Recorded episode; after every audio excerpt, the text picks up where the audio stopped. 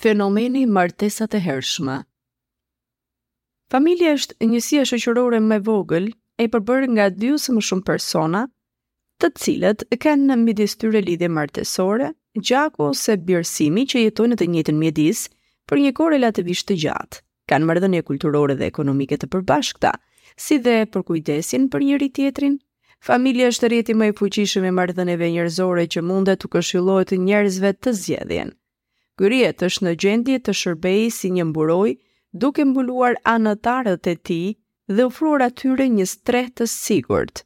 Familja është një detyrë që zgjat tërë jetën dhe që kërkon shumë punë, përkushtim dhe sakrificë. Funksionet kryesore të familjes janë sigurimi i vazhdimësisë së brezave ndërmjet lindjes së pasardhësve, zhvillimi i seksualitetit ndërmjet çiftit të rritur, rritja, përkujdesi dhe edukimi i fëmijëve, sigurimi i burimeve për plotësimin e nevojave të përditshme të pjesëtarëve të saj dhe zhvillimi i një jete private dhe familjare të përbashkët në mbrojtje dhe mbështetje të pjesëtarëve të saj.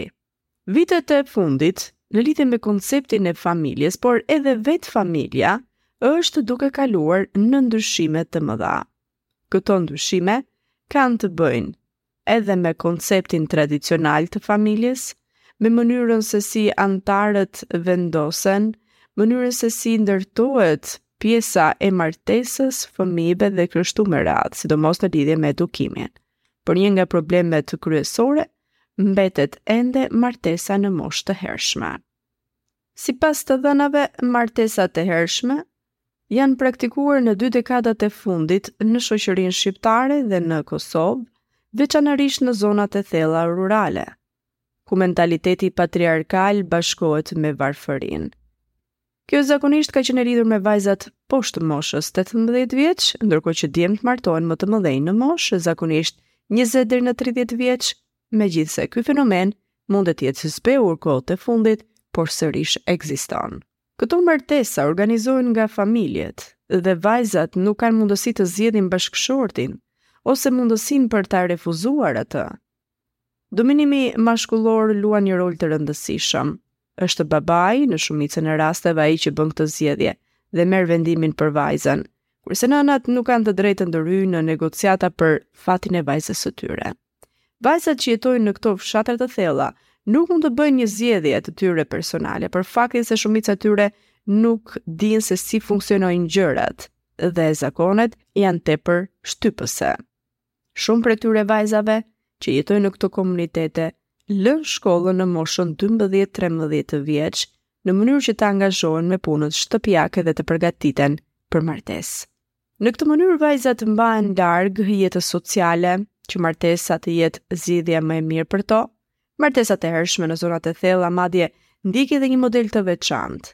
Vajzat fejohen në moshën 13-15 vjeç, Dasma bëhet disa vite më vonë dhe më pas vajzat shkojnë të jetojnë te shtëpia e burrit të tyre. Në shumicën e rasteve ndodh që dhëndri i ri të jetë emigrant në një vend i jashtë dhe kthehet në shtëpi një herë ose dy herë në vit. Kështu, ata lënë gratë e tyre të jetojnë bashkë me familjet e tyre dhe ata kanë synim të marrin të ardhura. Historikisht, martesat e hershme janë përdorur si mekanizëm për të rritur pjellori në kontekstin e normave të vdekshmërisë së lartë.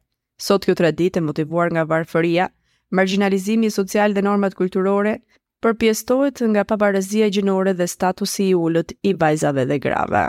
Sigurisht që martesa e hershme është fenomen që prek si vajzat dhe djemtë në të njëjtën kohë, por në mënyra të ndryshme, duke kthyer këtë në një fenomen gjinor. Observatori për të drejtat e fëmijëve çdo vit monitoron të drejtat e fëmijëve në nivel rajonal dhe një nga temat e identifikuara gjatë vizitave të monitorimit është Fejesa e hershme e vajzave, duke mos arritur moshën 18 vjeç me aprovimin e prindërve të tyre. Një rast i identifikuar në qytetin e Laçit, Kurbin, ku rreth 90% e vajzave në shkollë të mesme, poshtë 18 vjeç, janë të fejuara dhe të premtuara për martesë. Martesa e fëmijëve, martesë zyrtare ose bashkimi jo zyrtar i çdo personi nën moshën 18 vjeç, është një shkelje të drejtave të njeriut dhe të të drejtave të fëmijës. Martesa e fëmijëve i vendos bashkëshortët fëmijë dhe në veçanti vajzat e martuara në rrezik ndaj dhunës në familje, abuzimit seksual, përdhunimit dhe mohimit të qasjes në arsim. Kryesisht shteti duhet ta konsiderojë prioritet ndalimin e martesës së fëmijëve ndërmjet masave politike në nivel qendror dhe lokal duke përcaktuar ndërhyrjet, buxhetet e lidhura si dhe rolet dhe përgjegjësitë e etnive të ndryshme publike. Nevoja për të evidentuar në mënyrë specifike që martesat e hershme janë të dënueshme në legjislacion. Sistemi i mbrojtjes së fëmijëve ka nevojë të reflektojë fenomenin e martesave të hershme. Fenomeni i martesave të hershme duhet të ketë vëmendje të veçantë nga aktorë të ndryshëm, institucional dhe jo institucional në mënyrë që të zvogëlohet ky fenomen dhe efektet e tij. E drejta për t'u martuar dhe e drejta për të pasur familje është pjesë e të drejtave themelore të njeriut, Realizimi i kësaj të drejte ka kufizimet e veta ligjore, një prej tyre është arritja e moshës madhore. Të tjera janë mungesa e pëlqimit të lirë, martesa ekzistuese nëse kërkohet të lidhet një martesë e re, sëmundje e rëndë psikike ose e zhvillimit mendor, që e bën të paaftë të kuptojë qëllimin e martesës. Të gjitha rastet përfshirë martesën nën moshë ose martesën pa pëlqimin e lirë, bëjnë që martesa e lidhur të jetë e pavlefshme. Madje ligji parashikon të njëjtat kushte dhe pengesa martesore për dy bashkëshortët e ardhshëm. Po kështu, nuk ka asnjë dispozitë diskriminuese lidhur me moshën e martesës. Efektet negative të martesës së hershme kanë tendencë të manifestohen në stadet e mëvonshme të zhvillimit jetësor, duke përfshirë çështjet që lidhen me shëndetin dhe mirëqenien psikologjike. Po a ka raste të lejimit të martesës në moshë? Rastet janë specifike dhe barra i bie gjykatës ta vendosë. Përse ndodhin këto martesa në moshë të hershme? Kryesisht gjendja e rëndë ekonomike, braktisja e shkollës, dhuna në familje, janë disa arsye kryesore për martesat e hershme. e që më së shumti prek vajzat e komuniteteve rom, ashkali dhe egjiptian. Martesa e hershme është ngritur si shqetësim në raportin për të drejtat e njeriut në botë.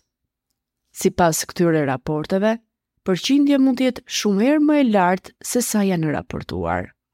Agjencia e Kombeve të Bashkuara për Fëmijë, UNICEF, vlerëson se që nga marsi i vitit dy mijë e tetëmbëdhjetë në të gjithë botën, diku rreth njëzet e një për qind e grave të reja janë martuar para moshës tetëmbëdhjetë vjeçare.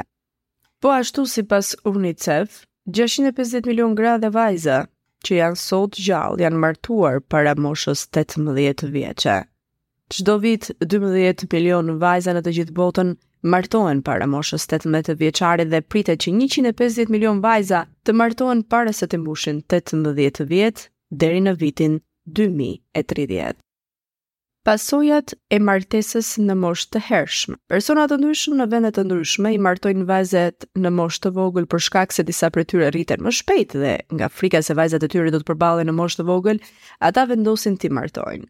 Martesat e grave në moshë të mitur konsiderohet si pengesa e konsiderueshme për zhvillimin e tyre shoqëror, ndërkohë që hendeku gjinor në martesë me meshkuj dukshëm më të moshuar se sa femrat, përforcon tiparet tradicionale të një shoqërie ku gratë janë nën kontrollin e burrave. Numri i grave të martuara nën moshën 18 vjeç duhet të shihet ngushtë i lidhur me numrin e lindjeve nga nëna në këtë moshë.